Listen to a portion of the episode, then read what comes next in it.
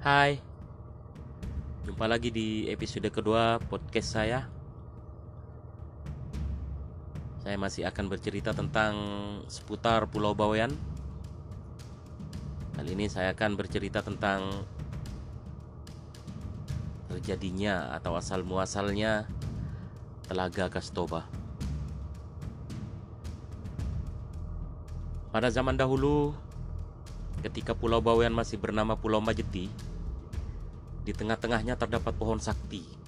Pohon itu besar dan anggun. Walaupun besar tetapi rindang, sehingga kalau seseorang berdiri di bawahnya akan dapat menjangkau sebagian daun atau ranting pohon itu. Kala itu, Pulau Majeti diperintah oleh Ratu Jin yang berwibawa. Semua makhluk di daerah kekuasaannya tunduk kepadanya. Ratu Jin di Pulau Majeti sangat termasyhur dan dikenal oleh ratu-ratu jin yang lain di Nusantara ini. Karena di daerah kekuasaannya terdapat pohon sakti itu yang tidak dimiliki oleh ratu jin yang lain. Pohon yang sakti itu bernama pohon Kastoba. Karenanya ratu jin selalu menjaga pohon itu. Dalam usaha menyelamatkan dan ingin melestarikan pohon kebanggaannya tersebut, suatu ketika dipanggillah jin pengawal kerajaan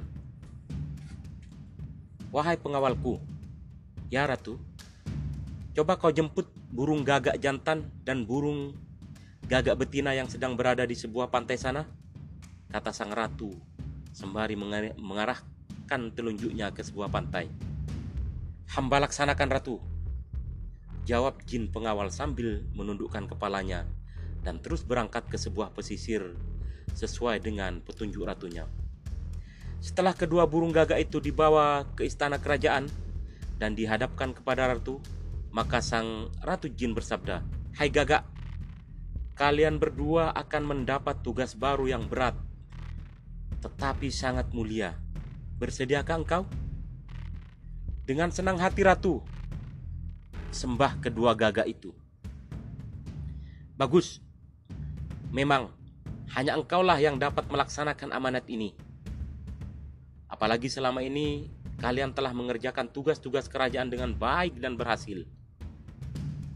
Tugas apa gerangan itu ratu? Tanya kedua gagak itu agak kurang sabar.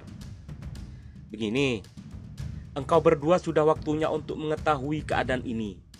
Karena engkau sudah menjadi pengawal kerajaan dengan jabatan tinggi. Tetapi sebelumnya, saya ingin mengingatkan Jangan pernah membocorkan rahasia kerajaan yang satu ini. Titah sang ratu penuh harap. Kemudian melanjutkan perkataannya. Kerajaan kita memiliki pohon istimewa yang terdapat di tengah-tengah pulau ini. Karena pohon itu, kerajaan kita menjadi termasyhur dan disegani oleh kerajaan-kerajaan lainnya di Nusantara ini. Segala bagian pohon itu amat berguna bagi kehidupan Oh ya? Sambung kedua gagak itu secara serta-merta. Akarnya, batangnya, dan rantingnya berguna sebagai tumbal bencana alam dan bahaya-bahaya lain. Sehelai daunnya saja bisa menyembuhkan berbagai macam penyakit dan sangat ampuh daya sembuhnya. Sedang bunganya juga dapat untuk kekebalan tubuh pemiliknya. Ih, ih. Hai, sakti amat. Celetuk gagak lagi. Nah, kewajibanmu sekarang adalah menjaga pohon itu serta bagian-bagiannya. Berjagalah dengan disiplin atas segala gangguan dan ancaman, baik dari luar atau dari dalam kerajaan sendiri. Waspadalah selalu ke laut, ke darat, atau ke, ke udara. Jika ada makhluk asing yang mencurigakan, segeralah hubungi dan lapor kepada jin pengawal kerajaan atau para pengawal istana.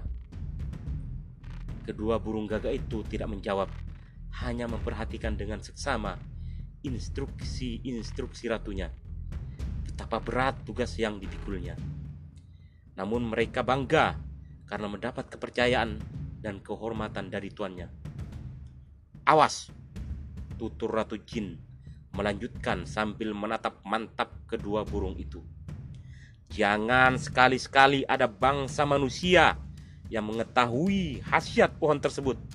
Sebab jika seorang saja mengetahui keampuhannya, maka dalam waktu yang tidak lama akan musnahlah pohon itu. Kebanyakan manusia hanya bisa merusak, sulit untuk menanam. Hanya bisa menggunakan saja, tetapi tidak dapat melestarikan. Manusia hanya ingin enaknya sendiri saja, tanpa mau memikirkan pada anak cucunya kelak. Wahai gagak, tapi engkau jangan risau. Selama melaksanakan tugas yang mulia ini, telah sedia saya sediakan pengawal-pengawal kerajaan untuk membantumu. Sekarang kalian boleh berangkat ke tempat tugas. Oh, tunggu, tunggu. Kata Raja kata Ratu Jin seketika itu sebab masih akan berpesan kepada para pengawal kerajaan. Kau para pengawal, silahkan antar kedua burung ini sampai ke tempat tugas dan kau menyiapkan sesuatunya. Itulah sabda terakhir dari Ratu Jin. Baiklah, segala titah ratu siap kami laksanakan dengan sungguh-sungguh. Jawab para pengawal kerajaan sambil membagi tugas yang sebagian mengantarkan kedua burung gagak ke tempat penjagaan, dan yang sebagian lagi pergi ke istana menyiapkan segala keperluan burung gagak selama bertugas. Ketika semuanya selesai, mulailah kedua gagak itu berjaga dengan setia dan siap sedia. Siang dan malam hari, mereka melaksanakan tugas dengan penuh disiplin. Para pengawal pun silih berganti melayani keperluan-keperluan kedua burung gagak. Hanya satu cacatnya. Kedua burung gagak itu selalu mengobrol mengenai rahasia negara tanpa tujuan tertentu. Sampailah pada suatu ketika di musim kemarau panjang, mentari bersinar amat terik, udara panas dan tanah pecah-pecah karena kekeringan. Tiba-tiba dari kejauhan, maaf, tiba-tiba dari kejauhan Tampaklah seorang kakek dengan tertatih-tatih jalannya sambil memegang tongkat di tangannya. Terkadang merangkak dan kadang-kadang meraba-raba benda yang ada di depannya. Ia seorang kakek yang sudah sangat tua. Kulitnya sudah keriput berbintik-bintik hitam. Di kepalanya telah penuh dengan warna putih dan badannya pun sudah sangat lama. Kedua matanya pun buta. Seakan semua itu minta dibelas kasihani. Manusia tua itu tetap melanjutkan perjalanannya, mencari tempat berlindung. Akhirnya, tibalah di bawah pohon yang rindang yang sedang dijaga kedua gagak itu. Legalah hati sang kakek sebab di sana hawanya cukup sejuk dan terlindung dari sinar matahari. Rupanya tempat itu sangat menyenangkan bagi kakek sehingga ia berminat untuk melanjutkan pertapaannya di sana, yakni dalam usahanya untuk menyembuhkan kedua matanya yang buta akibat perbuatannya sendiri itu. Ketika matahari mulai condong ke arah barat, hawa pegunungan semakin sejuk, angin semilir berhembus pelan, menyapu-nyapu tubuh sang kakek seakan mengajak untuk beristirahat tidur. Kakek tua mulai mengantuk. Kemudian ia mengatur pembaringan untuk merebahkan tubuhnya yang penat, yang seharian kelelahan berjalan. Tetapi sejenak sebelum nyenyak, yakni antara sadar dan lelap, terdengarlah sayup-sayup percakapan yang agak aneh. Karena bukan percakapan manusia, melainkan percakapan dari bangsa burung. Lalu kakek itu memasang telinganya. Duh, kasihan betul orang itu kata si jantan. Loh, kenapa? Tanya si betina. Perhatikan, ia tampaknya telah menderita kebutaan berpuluh-puluh tahun lamanya. Padahal obatnya gampang saja. Ujar si jantan lagi. Ya, benar, sambung si betina. Seandainya kakek itu tahu, tentu dalam sekejap ia akan sembuh. Hanya dengan meneteskan getah daun pohon ini ke matanya, ia akan dapat melihat kembali lanjutnya. Sang kakek keheranan dan penasaran. Dadanya mengembang karena ingin sekali matanya segera sembuh. Sebab ia sudah tidak kuasa lagi menahan deritanya selama ini. Kini kakek itu mulai bertapa lagi. Pada saat-saat sang kakek menangisi nasibnya, terdengarlah lagi percakapan kedua makhluk itu. Kau masih ingat sabda ratu kita? Tanya Sanjangtan kepada si betina melanjutkan percakapannya. Oh tentu, semuanya masih segar dalam ingatan saya.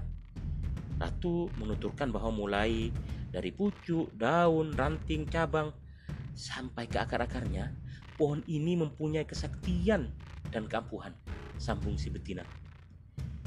Makanya Ratu menugaskan kita untuk menjaga tanaman ini dengan ketat.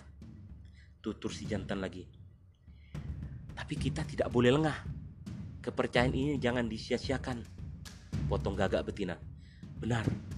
Ratu juga menyuruh kita agar merahasiakan keampuhan pohon ini. Jika ini bocor, maka kita akan mendapat kutukan dari si, dari si ratu. Ujar sang jantan.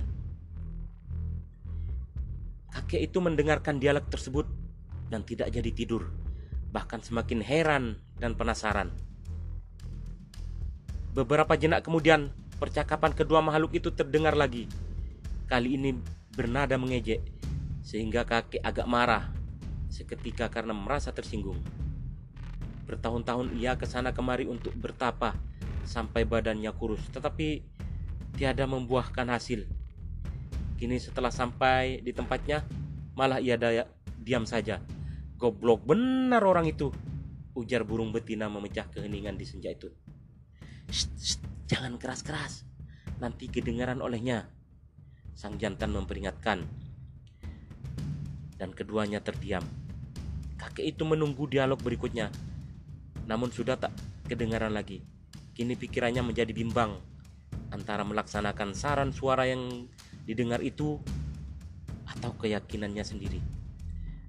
Akhirnya ia merenung akhirnya ia merenung dan memeras pikirannya sebentar dan sesudah itu dibulatkannya hatinya untuk mengobati matanya sebagaimana saran suara-suara itu. Kakek tua itu pun kemudian berdiri dan menjangkau sehelai daun yang ada di atas kepalanya. Gagang daun yang mengeluarkan getah itu lalu diusap-usapkan ke kedua belah matanya. Kemudian, dalam waktu yang tidak lebih dari satu menit, terbukalah kedua mata kakek itu sedikit demi sedikit yang akhirnya dapat melihat seperti sedia kala. Giranglah hati sang kakek. Kemudian mencari suara makhluk yang memberi saran.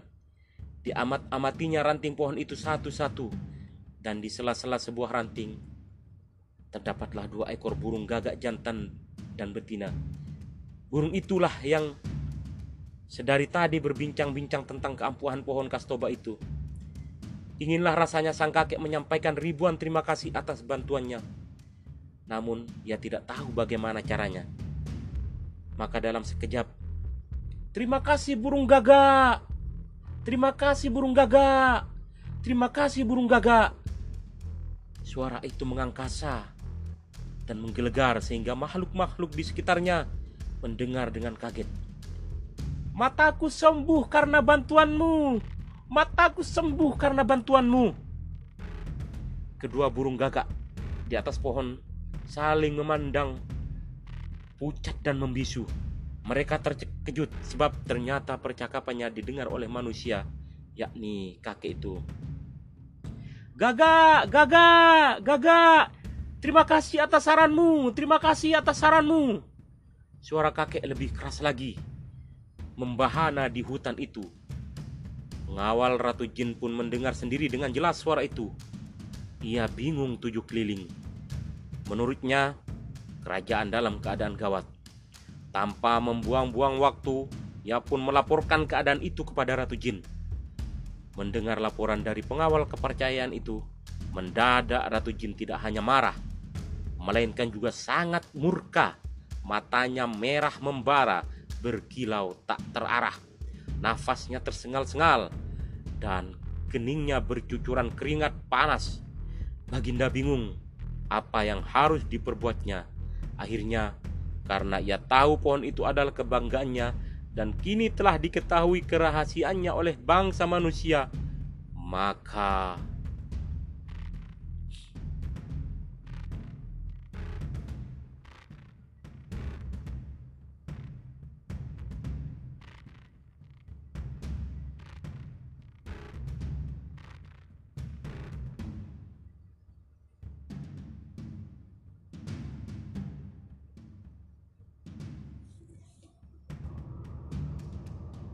maka Ratu Jin pun mencabut pohon besar yang sakti itu.